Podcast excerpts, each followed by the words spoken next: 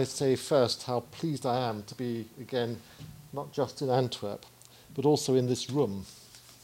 Because when I think about old libraries, I think about this room and its history, its contents, and also, of course, the way in which it's changed over the years. You're all sitting on a false floor. I hope it won't collapse under you, but things do change. And I want to talk about change this afternoon. And I want to start with some questions.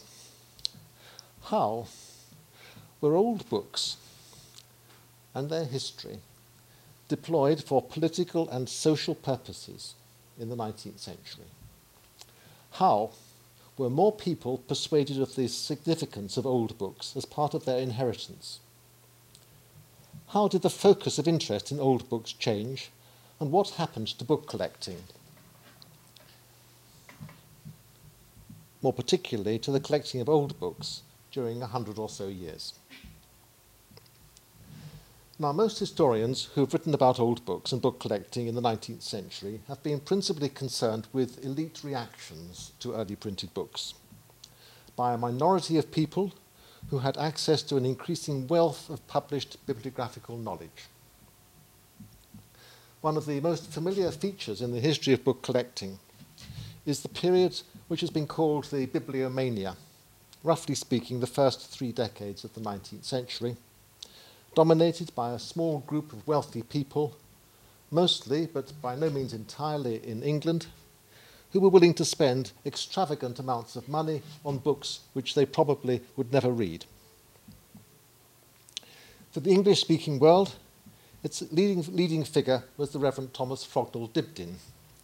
I'm moving on here to popularization. Dibdin wrote repeatedly on the subject. He was friends with many of those involved, and he was known here in Belgium because he was given a dinner in October 40, 1842 by a group of Belgian bibliophiles in Brussels. But I want to, in this lecture, to consider how political events and social change combined to refocus the ways in which old books were regarded in the period roughly between the end of the Napoleonic Wars in 1815 and the growth in education for ever larger parts of the population of Europe in the last decades of the 19th century. What happened to bibliophily?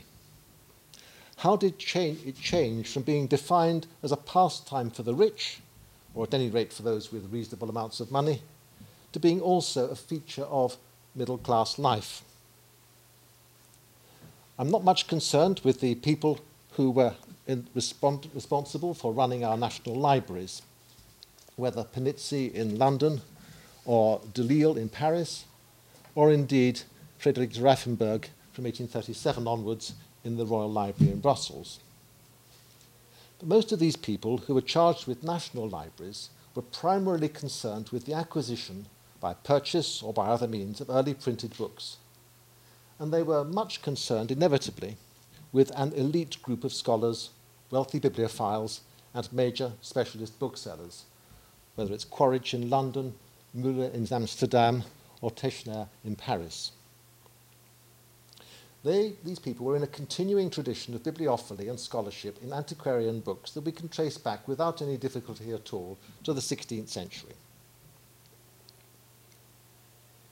What do we find when we move away from these people working at the high end of the market and their priorities to people who are much less wealthy, much less educated, much less familiar with the bones of the histories of their various countries, let alone the world of Greece and Rome and their classical uh, education.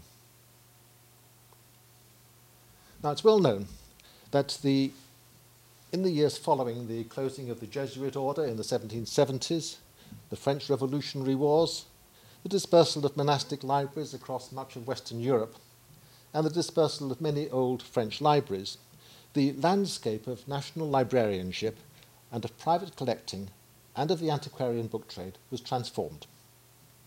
There were many, many more books on the market than the market could absorb.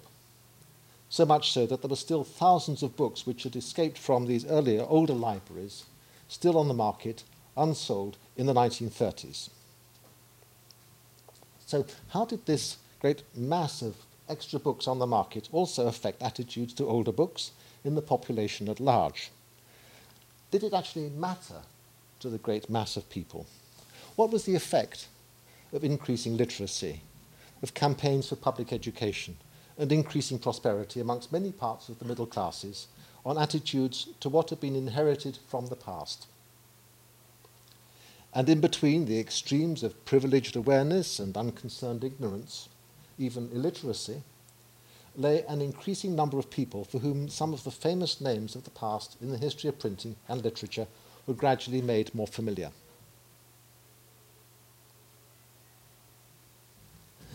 Now, the other part of this question, of course, is how did people learn about old books? Most importantly, who taught them?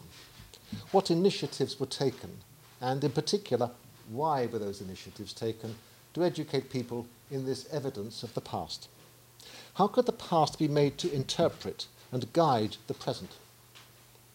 And not least, and applying to all members of society, how, by the use of old books, was communal memory created and to what purpose?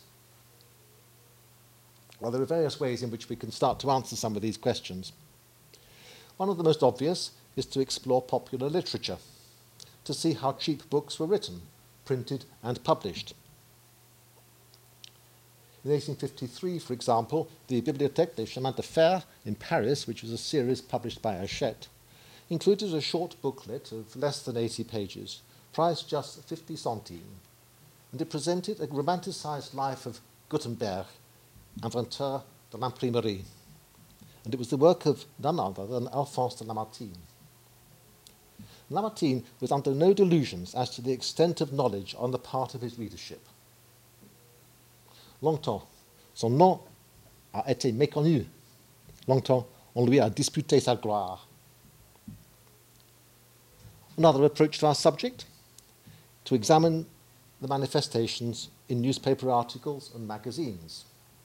We would, of course, be looking both for explicit treatment and also for incidental reference. Apart from daily or weekly journal- journalism, there were by the end of the 19th century dozens of popular books written about the history of printing. And here's one of them on the screen at the moment, and there's another one um, written very much uh, for, as, for children, The Noble Printer, published in the 1880s. There were also manuals about what to collect. Fashions were created, markets were fostered by popular writers and by booksellers alike. Now, second, as part of this, I want to consider how public presentations, including two major exhibitions of books, reflect some of these changes, what other ambitions lay behind these exhibitions, and how they differed in their aims. This is an aspect, I think, of what's become to be called cultural memory, or in the words of the person who popularized it, the German Egyptologist Jan Assmann, Kulturell Gedächtnis. His book was originally published in 1992, was translated into English in 2011 as Cultural Memory and Early Civilization. Now, Assmann was working on the back of Maurice Halbwachs, who died in Buchenwald, um, and whose book, uh, La Mémoire Collective, was not published until 1950. But we're engaged with, thanks to these two people, in, in recovering not just the evidence of memory, but also how it's treated selectively, whether or not such selection is a conscious procedure. And I want to move on from their arguments to arguments specifically about books. Now, it's obviously much too much to claim that the 19th century invented the idea of the hero, a local or national figure to whom could be attributed all kinds of achievements, the person from the past who would stand as an inspiration and guidance for the present. But hero figures, whether they're Byronic or whether they're Napoleon himself, are remembered in different ways as they pass from oral memory to memory that, for ever increasing numbers of people, was memory that was written and printed. And this brought new kinds of precision to memory, and it also brought opportunities for what we might call the embroidering of memory in different ways and on different scales. Not surprisingly, there were frequently political overtones, even when people who were thought to be heroes weren't especially known to have political views. One obvious example, to which we shall return later on, is the ways in which Gutenberg was celebrated in the 1830s and 1840s in Germany and in France. Now, books, of course, are not only bought, they're not only borrowed, they're not only read. Other evidence of their existence is all around us, and here I concentrate on what we might call their public presence. And in particular, I want to think about how we are reminded of them in public places. And in order to do so, I want to take some examples from different parts of Europe Belgium, Italy, and England. And we can develop our exploration in chronological order, by good fortune, as we see public and bibliographical interests moving closer together. And I'm especially interested in the ways that books and printing, or reminders of them, are intimately linked to the creation and management of public memory. In other words, we move out of the circumscribed world of libraries, bookshops, private houses, private collecting, and into public space, the streets of our towns. We also move into a different kind of communication, not by print necessarily, but by visual demonstration.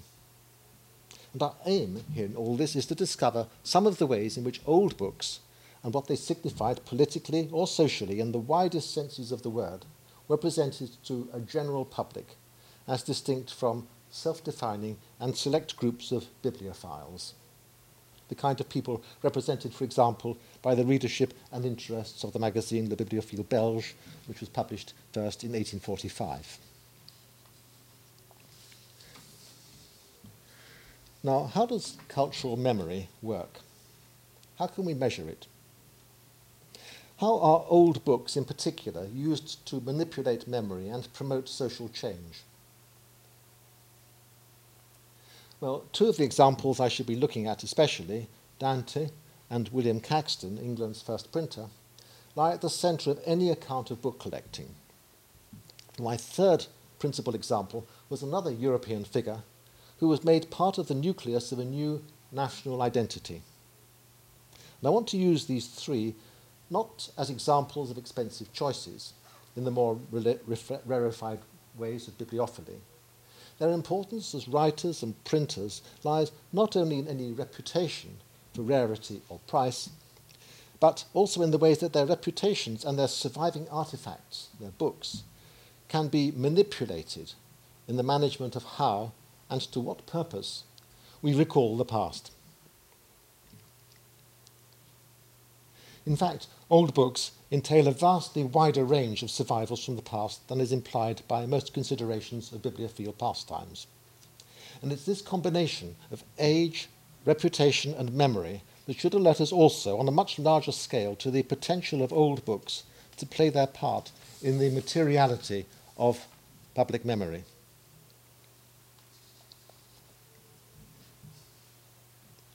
Now, however much people might have heard through newspapers, journals, or other publications of some of the major books or major names in the first half of the 19th century, there were few public opportunities, even in London and Paris, for people to see the ordinary working or the, the ordinary everyday public to see examples of early printing or medieval manuscripts. There was no permanent ex- exhibition of printed books in the British Museum until 1851. In Paris, the emphasis in the uh, Bibliothèque Nationale was firmly on manuscripts.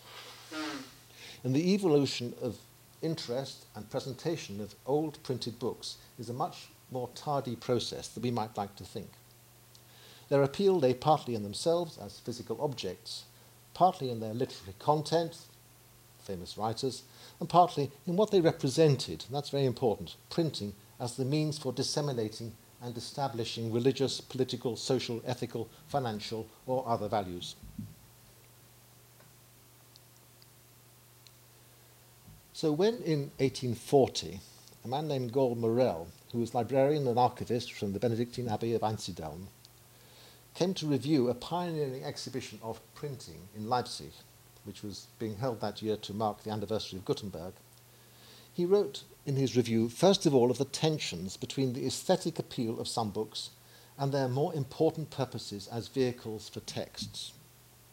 And the exhibition, which was organized by German booksellers as part of the Quatercentenary exhibition um, celebrations, seems to have been the first, as, as far as I can discover, and certainly on a large scale, the first exhibition concentrating on printed books and on printing in the public sense with a catalogue and so forth.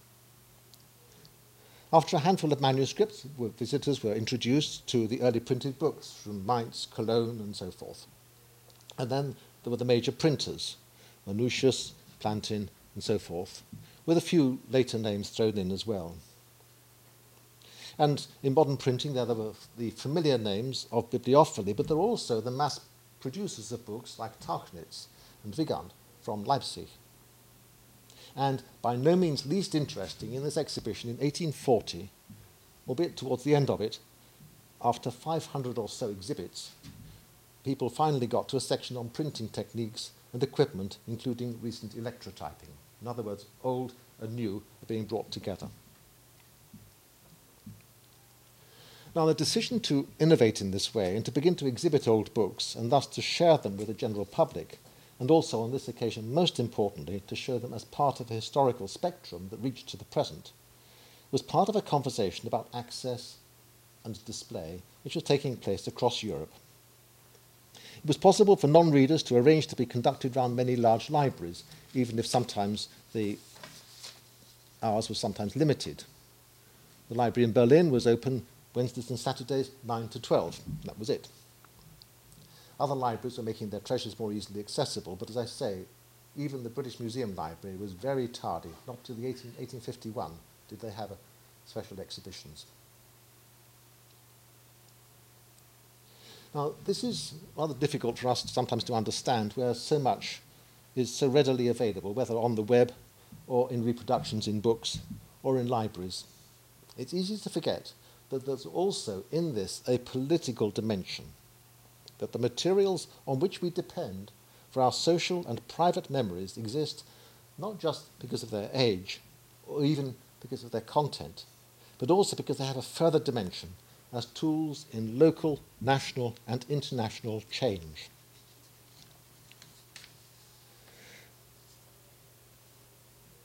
The links in public celebration between public ambition or triumph and some historical appeal are old and they are familiar. And uh, you can think about that later on. But I want to remind ourselves this evening just of the city of Mainz. You saw at the beginning of this, there was the slide up on the, when, you, when you came in, the statue of Gutenberg, um, which was put up in Strasbourg. Well, Mainz put up a statue in 1837, three years before Strasbourg, jumping the gun. Germany, Mainz turned to a Dane for their sculpture. Strasbourg turned to a Frenchman, David d'Angers, who'd also worked a lot on the Pantheon in Paris. We're talking here not just about celebrating Gutenberg, we're talking about national claims. Mainz in Germany, Strasbourg, then, of course, in France. Now, it's generally accepted today that Gutenberg invented printing in Mainz. That's what you'll read in most history books, where he printed his great Bible. But we know from documentary sources that he'd worked also previously for a few years in Strasbourg. Hence, Strasbourg could claim to be the birthplace of Western printing. And it was, had moreover happened in France. Here we've got 1837, and here's the statue which um, more or less, looks like that today, um, in Mainz. And you'll see also it's put in the Penny magazine, one of the great populist magazines, or the cheap end of the market in England, published by Charles Knight, with a huge circulation by 1837. So here's Gutenberg being presented to the English public. People probably hadn't heard, ever heard of him before.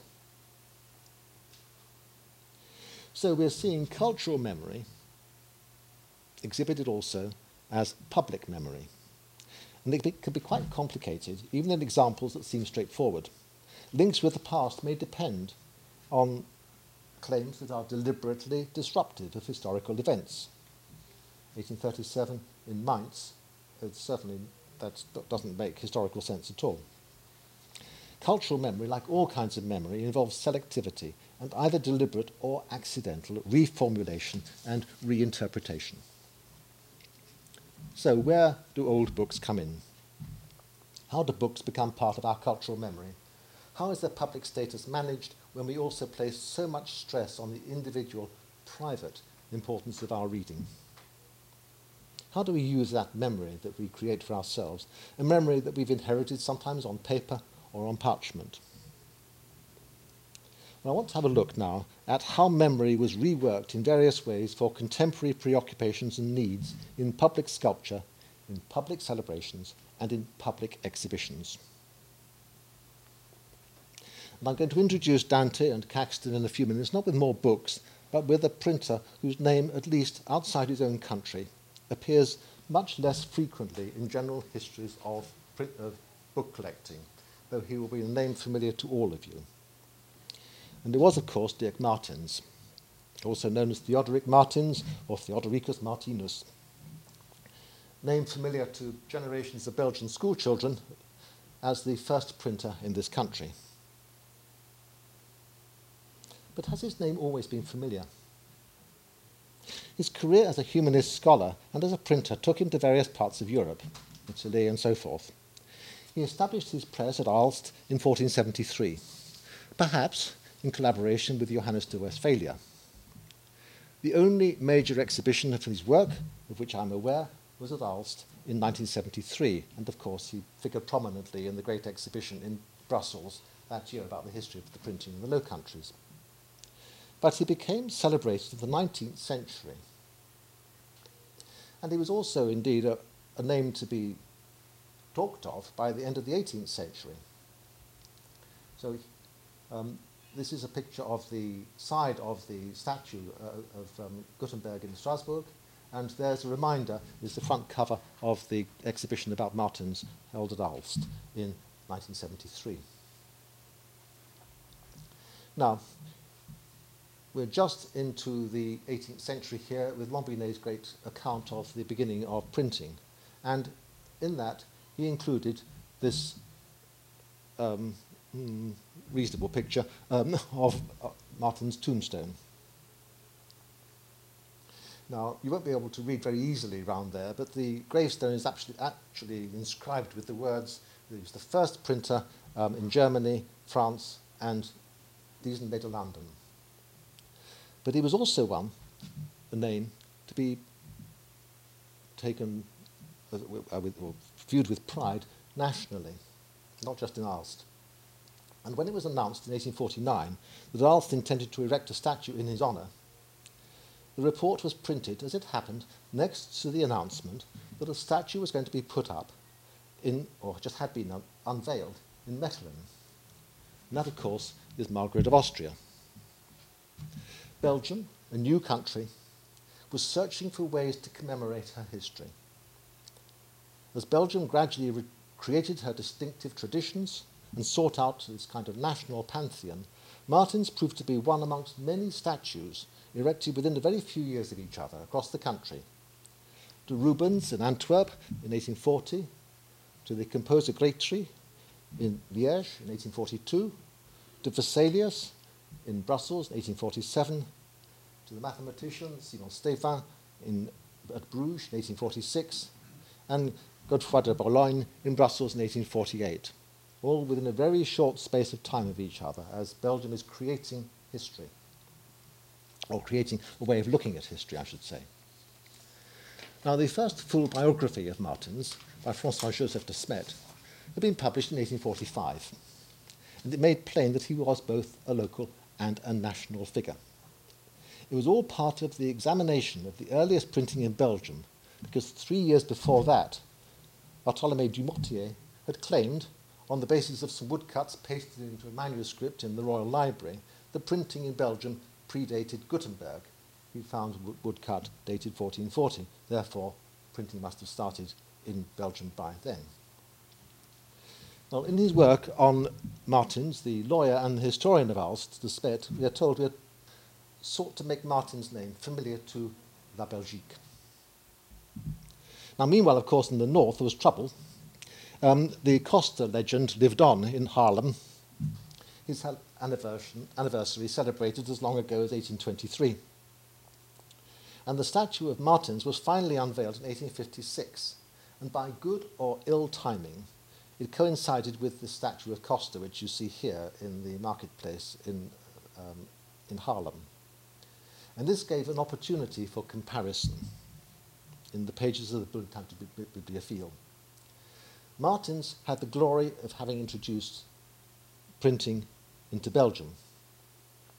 The fact that Leuven also claimed priority um, could be set aside on this occasion. In any case, as was very quickly pointed out, Johannes de Westphalia was obviously not a Belgian, where Coster didn't exist. Um, Martins must be our man, mustn't he? Coster was, for Belgians, ce personnage problématique, no more than a legend. For Martins, there was hard evidence, the gravestone and his books with his name and dates on them. Now, not surprisingly, for the unveiling of the statue, Aalst was en fete, with its buildings festooned with garlands, flags, and inscriptions. The only thing that went wrong was that the cloth covering the statue blew off just before um, it was supposed to, and so the uh, drama of the occasion was rather spoilt. Now, Martin's tomb was in St. Martin's Kirk, and I'm sorry about this terrible picture of it, but it'll give you some idea that, of what was represented in Lambinet's book a couple of slides back. The inscription on it we can read in various ways. He was, we are told, Germaniae Galliae et Belgii huius proto-calcographo.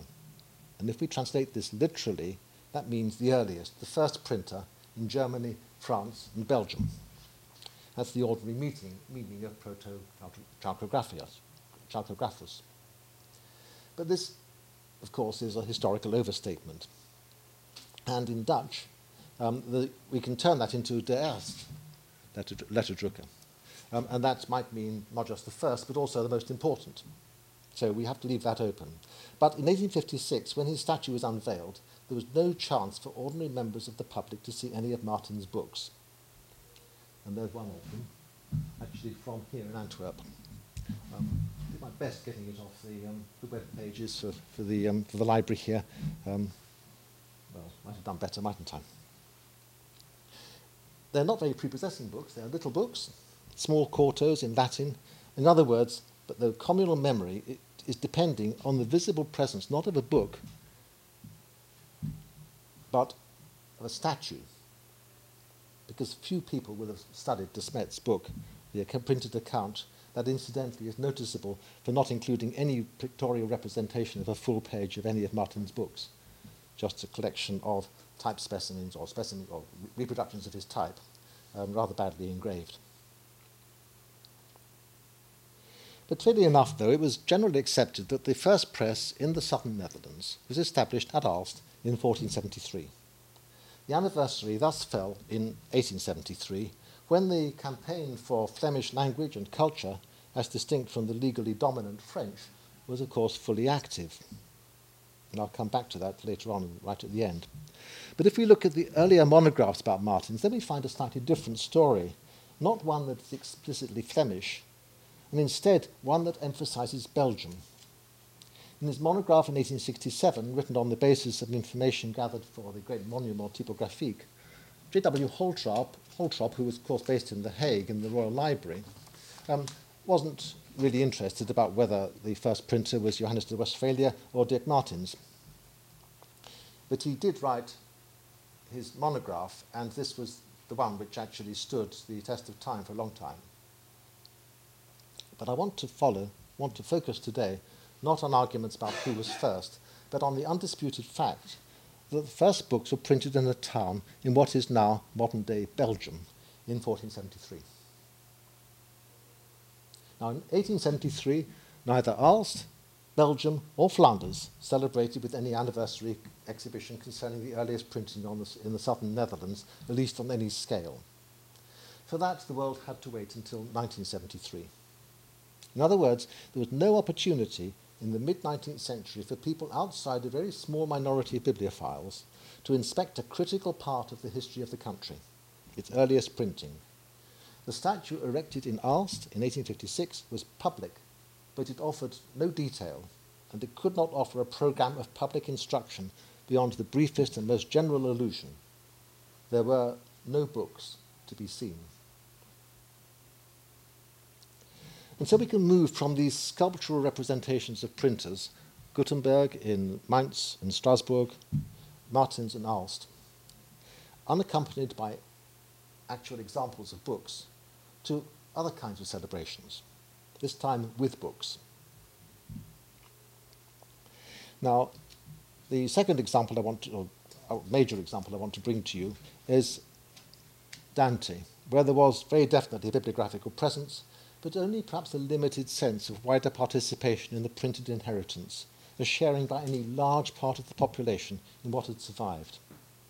The occasion was a public one, but it's difficult to gain a sense that there was any expectation that the public at large would share in seeing a lot of old books. Now, we may see Dante as a poet, we may see him as a person, we may see him as a political figure.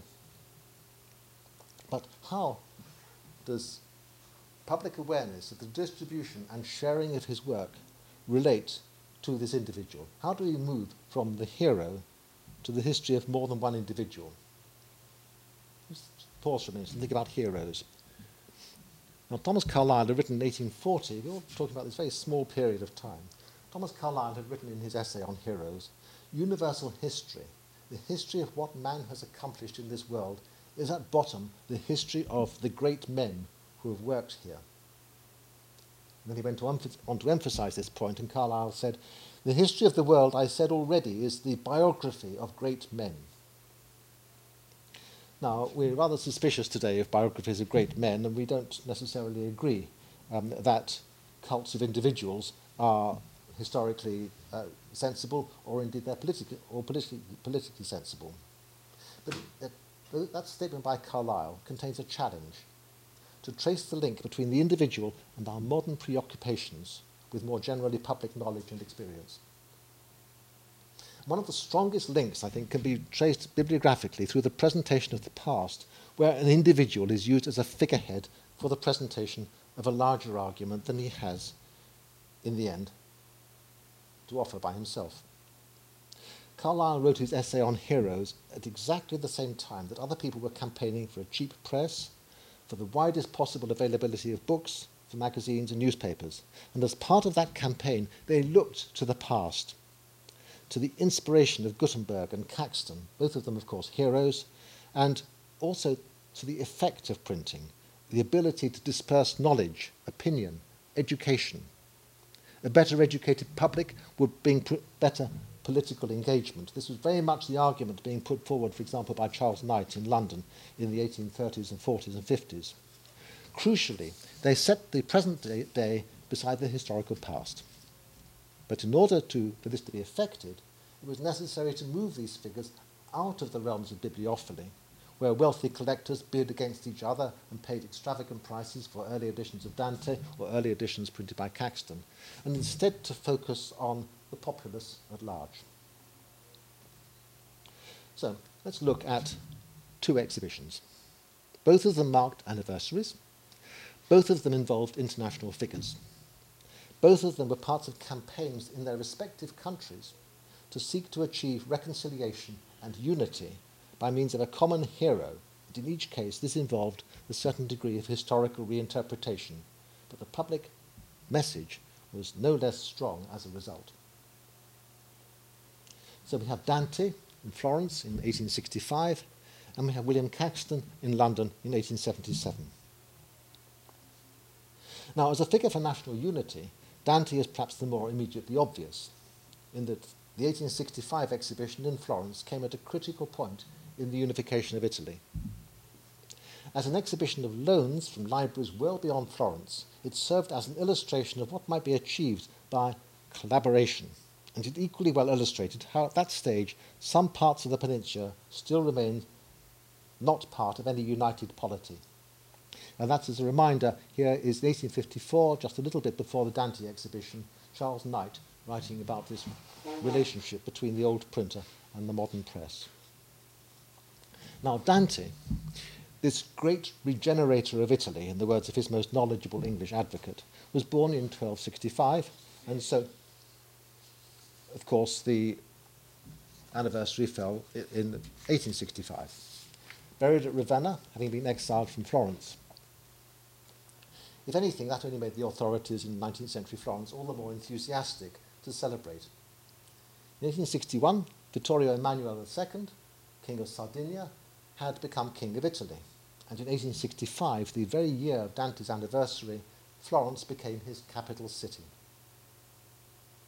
Now, Dante, of course, left Florence and went to exile in Ravenna, never returned. But that didn't present, prevent a continuing debate about Florence's claim to Dante. And you can read Dan Brown, if you must, um, in his new book, which is all about Florence.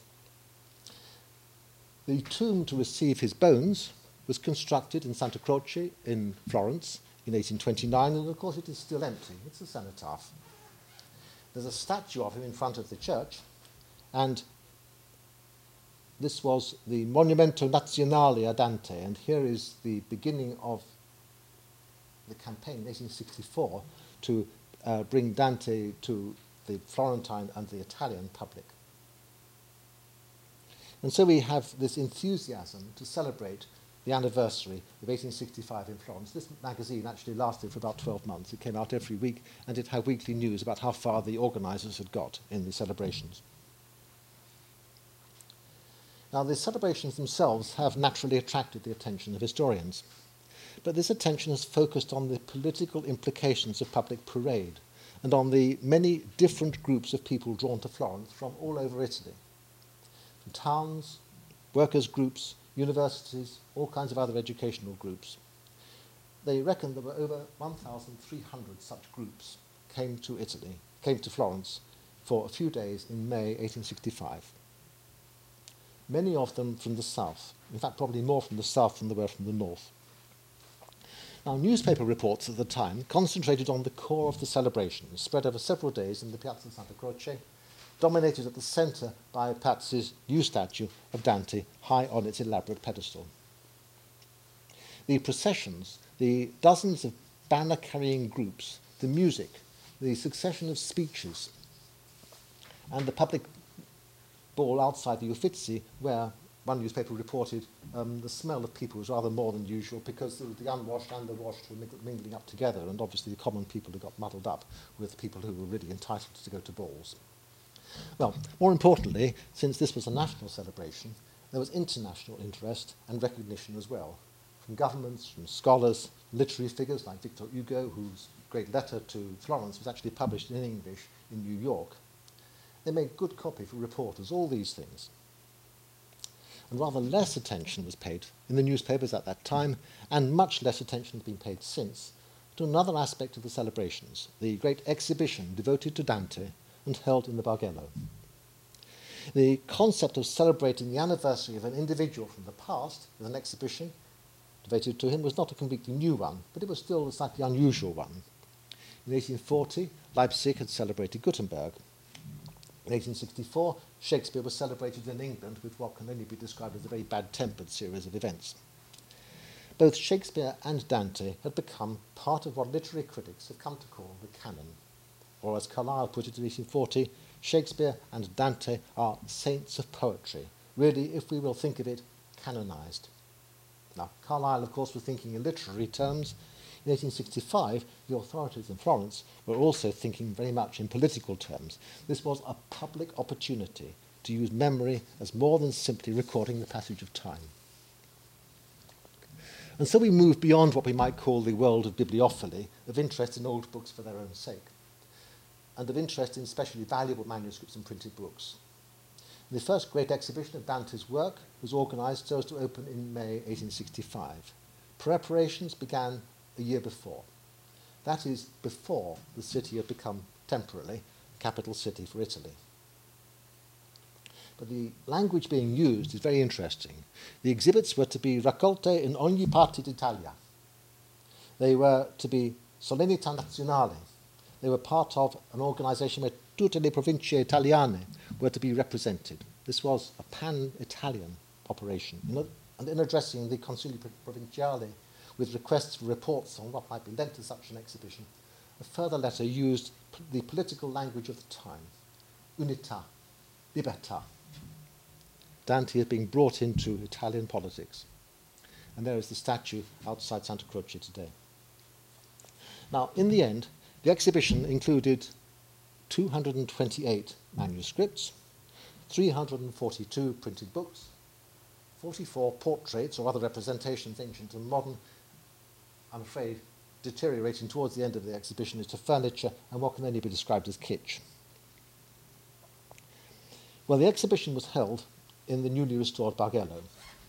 Um, and there is the Foligno edition of 1472, um, the rare um, first edition of Dante, um, and this exhibition actually has five copies of that book in it. And there is Dante in the Bargello on the wall in the chapel, um, by, probably by Giotto. Now, La Nazione, which was the local newspaper in Florence, founded only in 1859, naturally made the most of the national implications. It noted the very considerable number of manuscripts lent by the Trivulziano in Milan, which after the local Florentine libraries was far and away the most generous of lenders. Other books came from Naples, but most of the, most of the book manuscripts came naturally enough from the northern half of the country. Nothing from Rome, nothing from the Vatican. This is before the, the conquest of Rome. Now, we have, of course, a question. Who went to this exhibition? Now, unfortunately, La Nazione, the local paper, has less to say about the numbers of people who went to the exhibition than it does about what was actually in the exhibition itself. Henry Clark Barlow, who um, lived a lot of the year in Florence and was deeply respected for his knowledge of Dante, um, wrote a very full account of the core part of the proceedings in rather slightly overblown English prose. But he talked a lot about the statue, about the statue, about the speeches, um, about the processions, um, but nothing more than generalities about the classes of people, of those who filled the city for a few intoxicating days in 1865. Now,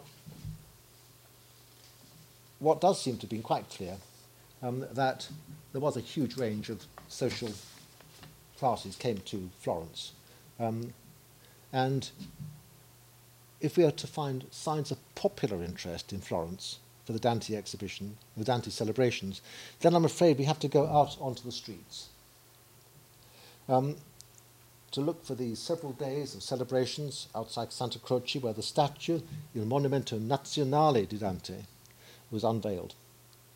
The exhibition was a milestone in the presentation of a literary figure and of his works, and of some of the ways in which they'd been read and the ways in which they'd been reproduced through posterity. It was actually pioneering in looking at the ways in which several copies of one book could be made to uh, interpret each other. It drew on recent biographical, bibliographical, critical work.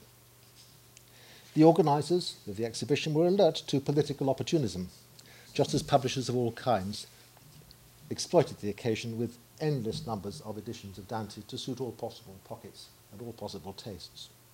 Links between the past and the present were very firmly defined and established.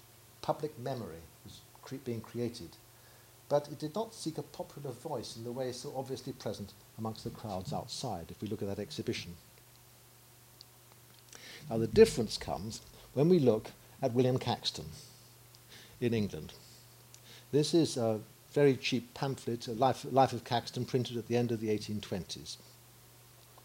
Now, opinions differed as to the date of the introduction of printing in England, but the date of 1477 became the accepted one. It was wrong, But never mind. In 14, 1877, Britain was in the confident mood. It had an empire which was spanning the world. It was in the midst of social and political and technological change, investing heavily in communication. And if there were any international issues that were worrying the country, then they surely looked at the Franco Prussian War of 1870 71 um, and at Prussian dominance um, becoming ever more evident in Germany. But for the present, that was overseas. It was possible to concentrate on a British, or more specifically, an English hero.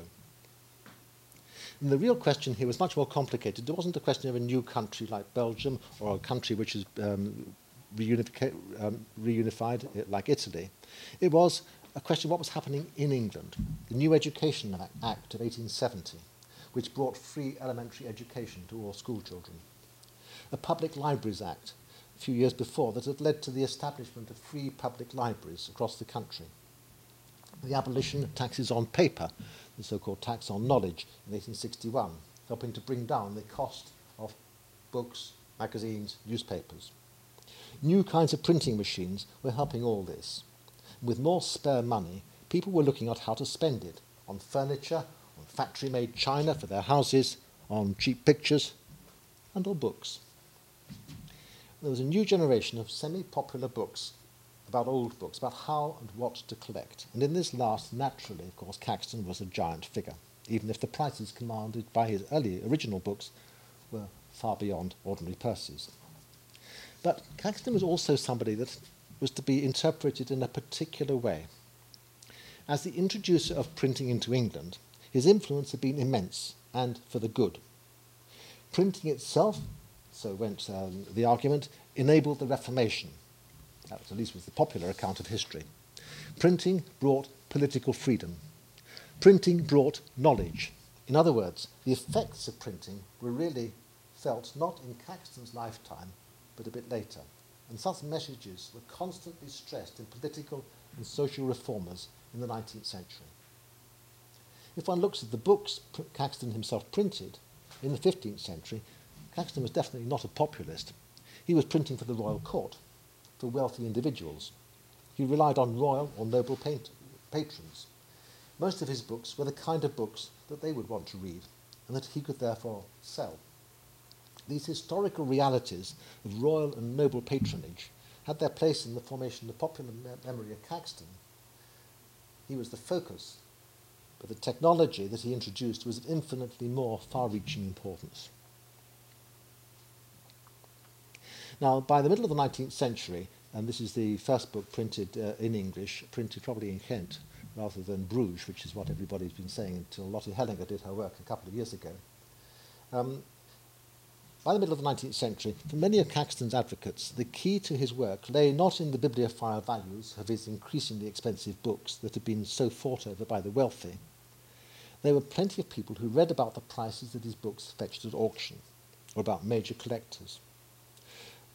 More importantly, there was major interest in what printing had achieved. And this in turn was linked to the 19th century revolution in the printing press, as I said. the supply of printed matter was vastly increased with the invention of machine-made paper, the invention of new faster printing presses, the collapse in the price of books. And at least in the English-speaking world, Caxton was seen as the originator of all this extraordinary social revolution. Now, there was no statue of Caxton in London. Instead, and thanks to a group of people, there was a stained glass, well, there was a, a, a monument to him in St Margaret's, Westminster, the church just beside West, Westminster Abbey, where the people that paid for it in the 1820s had to make do with the church next door because the dean and chapter of Westminster Abbey refused to commemorate Caxton inside the abbey itself. Now, the difference is that by 1877, the exhibition, which was created in London, was adopted by senior figures in the City of London and in the Church of England, and brought home to a much more demotic audience um, the kind of thing that Caxton actually represented or was thought to represent by the mid-19th century. the public lead in the celebrations was taken by key members of the establishment, what we call them now, the Mayor of London, the Dean of Westminster, Queen Victoria herself. Without such people, the printing trade, type founders, the printers and so forth, the people that actually pulled this exhibition together, could not have achieved their exhibition. And the people, many of them from much lower levels of education, who attended the exhibition in order to learn, could otherwise neither have seen the books nor witnessed the presentation of the links in communal memory between bibliophilic values, a sense of wider bibliographical pasts, and an awareness of the present.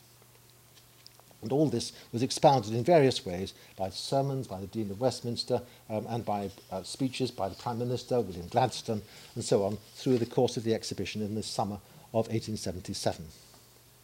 And for the first time in the history of printing, and with it a better understanding of old books, was presented with, as surviving artifacts before a wide public who, guided by carefully directed selections, arrangements of exhibits, labels, and catalogues, could now also see for themselves.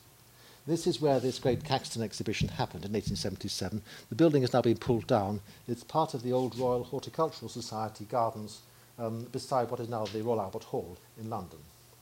Um, and uh, the complaint was that there were, there were no chairs to sit on. The only place you could sit if you were tired were the steps. So you must imagine people in 1877 in their best clothes sitting on the steps. And there uh, is on the right-hand side there especially is the Royal Horticultural Society exhibition hall. Of course, there were several exhibitions on at the same time that Caxton you finally got into. Now, the Caxton celebrations demonstrated a need, but they were also a reminder. Despite all the great series of major exhibitions that had been happening or been, been happening since the early 19th century, and most of all in the Great Exhibition of 1851 in London, and then, of course, later in Paris, the history of the printed book and of printing had been ignored. These were exhibitions of modern achievements. They were intended to celebrate the present, not the past. They were not, weren't intended to memorialize in any historical sense. For all their beauty and their historical interest and the readily available admitted relevance to arguments about the modern world, old printed books were not merely refusés, so far as large general exhibitions were concerned, they were orphans. With the Caxton exhibition in 1877, we see a change of focus. Not just a demonstration of the past, not even a sense of continuity with the past, the linking of inventions from the 15th to the 19th century. Rather, we see the deliberate construction of a historical consciousness in ways that go beyond the selectively bibliophilic. Caxton was the excuse, Caxton was the reason. It was Caxton's anniversary, but the appeal was to a much, much greater argument concerning the nature of communal memory by the population at large. So let's begin to bring things together. Let's come a bit nearer to our present anxieties and our preoccupations and sentiments that arise directly from the fact that we now live in a society that is almost 100% literate. We've been thinking about occasions that took place in societies that were literate in very different ways. The Italy of reunification was not the same as mid 19th century London, where there was a very high degree of literacy. In themselves, this disparity makes our comparisons not only partially valid, but also, much more importantly, they raise questions about our attitudes to the past and how much we actually intend to um, depend on literacy, our ability to read. How far were these occasions really socially exclusive? All in their ways sought to be inclusive. Martens as one amongst many in the pantheon being created for a new country. Dante as a political statement of a newfound unity. Caxton as a celebration of an industry that had made so much possible in the modern world. But neither the Dante exhibition nor the Caxton exhibition enjoyed the kind of mass appeal that so overwhelmed London for the Great Exhibition of 1851. Now, of course, we can think of all kinds of different ways of trying to measure the success of exhibitions and occasions like this if you're a museum gallery or, or gallery um, curator today, um, and you put on an exhibition, uh, you count very carefully the number of people that pay to come in or walk through the door, because that is the measure of success, which will be the basis of your next appeal for money for your next exhibition. That doesn't help us, doesn't help us to understand cultural memory. For that, we need to return to the motives and the progenitors of public sculpture, sculpture and indeed of exhibitions. I've concentrated today really just on three occasions in Aalst, in Florence, and in London. And we've also reminded ourselves very briefly of Mainz and Strasbourg, and indeed Leipzig. The motives for all these were a combination of historical prompts, challenges to present past events where reconstruction was only partly dependent on what evidence could be recovered, and modern contemporary preoccupations. Political and social motives were every bit as important as the biographical or bibliographical events that these occasions commemorated the independence of Belgium, Franco German rivalry, unification of Italy, social cohesion of Britain. All of them enabled, one way or another, by the world of print. Now, one of the characteristics of cultural memory, which was identified by Assmann, is its particularity of time and of place. Dante had not been especially celebrated a hundred years earlier in 1765. Caxton had not been especially celebrated in 1777. These 19th century celebrations were novelties in that respect, a characteristic that reminds us of their temporal and their social and spatial characteristics. They also depended on material particularities in the sense that old manuscripts, old books, were harnessed for political and social motives. Crucially, both those exhibitions we talked about harnessed particular parts and aspects of the past, selecting and so reinterpreting the past. They celebrated modern anniversaries. They also celebrated manuscript and printed inheritance, using this for contemporary cultural needs. And at the center of this reinterpretation lay not just two people, Dante and Caxton. Beside the obvious celebration of heroes, that 19th century word again, lay a revisiting of material inheritance. For generations, Caxton had enjoyed a kind of double existence. On the one hand, there were his books, eagerly collected by wealthy bibliophiles. On the other was a more popular figure imprecisely recalled and discoverable, for example, in some kinds of popular literature. It was an imprecise memory, sometimes more myth than anything based on documentary, let alone artifactual inheritance. The 1877 exhibition did not destroy the bibliophile inheritance. Far from it. Indeed, in the respect it gave to some of the pr- principal books loaned from Queen Victoria and others, it showed a degree of deference accorded to no other books anywhere in England. And there's the title page of the Great Caxton exhibition of 1877. Very largely the work of George Bullen, though there was a major row actually about the lateness of the appearance of this exhibition catalogue. And there, uh, it's worth reading. This is the description of the way in which the very first book printed in England, you say probably printed at Bruges, about 1474, actually printed more probably at Ghent. In a glass case alone, on a velvet cushion, being the first book printed in the English language, during the printing of which, as Caxton says in the epilogue to Book Two, he learnt his new art. Well, historians have worked hard at this ever since to try and work out exactly what was going on. But there you are, lent by the Duke of Devonshire, and that copy is now in California. But anyway, memory is brought out of the closet, it's adjusted, it's brought out from the private shelves of wealthy owners and exhibited in front of thousands of visitors from all walks of life who stood in front of this glass case with this book honoured on a velvet cushion all by itself. Now, we can see then that history was, could be used to establish not just common, communal memory, cultural memory, but actually to create the present. Belgium in the 1840s, France in the 1870s, even England in the late 1870s they all shared a common thread in their wish to confront how their countries might continue. What would be the foundations? Memory is not only creative and inventive in what we think we remember, it's also created, it's manipulated, it's selected for our various different purposes. We speak today of a heritage industry, the organised presentation of aspects of the past, the kinds of selectivity of which I've been speaking today. A selectivity on this particular instance is based on the exploitation of old books. It's also visible today, though, in different media and in different artifacts, in the guidebooks that we see carried by tourists around our cities today, uh, and in the way in which we choose some buildings over others to emphasize, to restore, and to make accessible. Now, I want to finish up, of course, with Antwerp. It won't have escaped any of you that at the very time London was celebrating Caxton with a major anniversary exhibition, Antwerp was celebrating the opening of Plantin's printing house as a museum in 1877. And with the opening of the Plantin Museum, the world saw a completely new direction in the ways that old books were to be presented. They'd been temporary exhibitions before around Europe, Leipzig, Florence, and so forth. And there were more or less prompt permanent exhibitions by that time, in some sense, in Paris, London, Berlin, the Vatican, St. Petersburg, and so forth. But the Plantin Museum was different.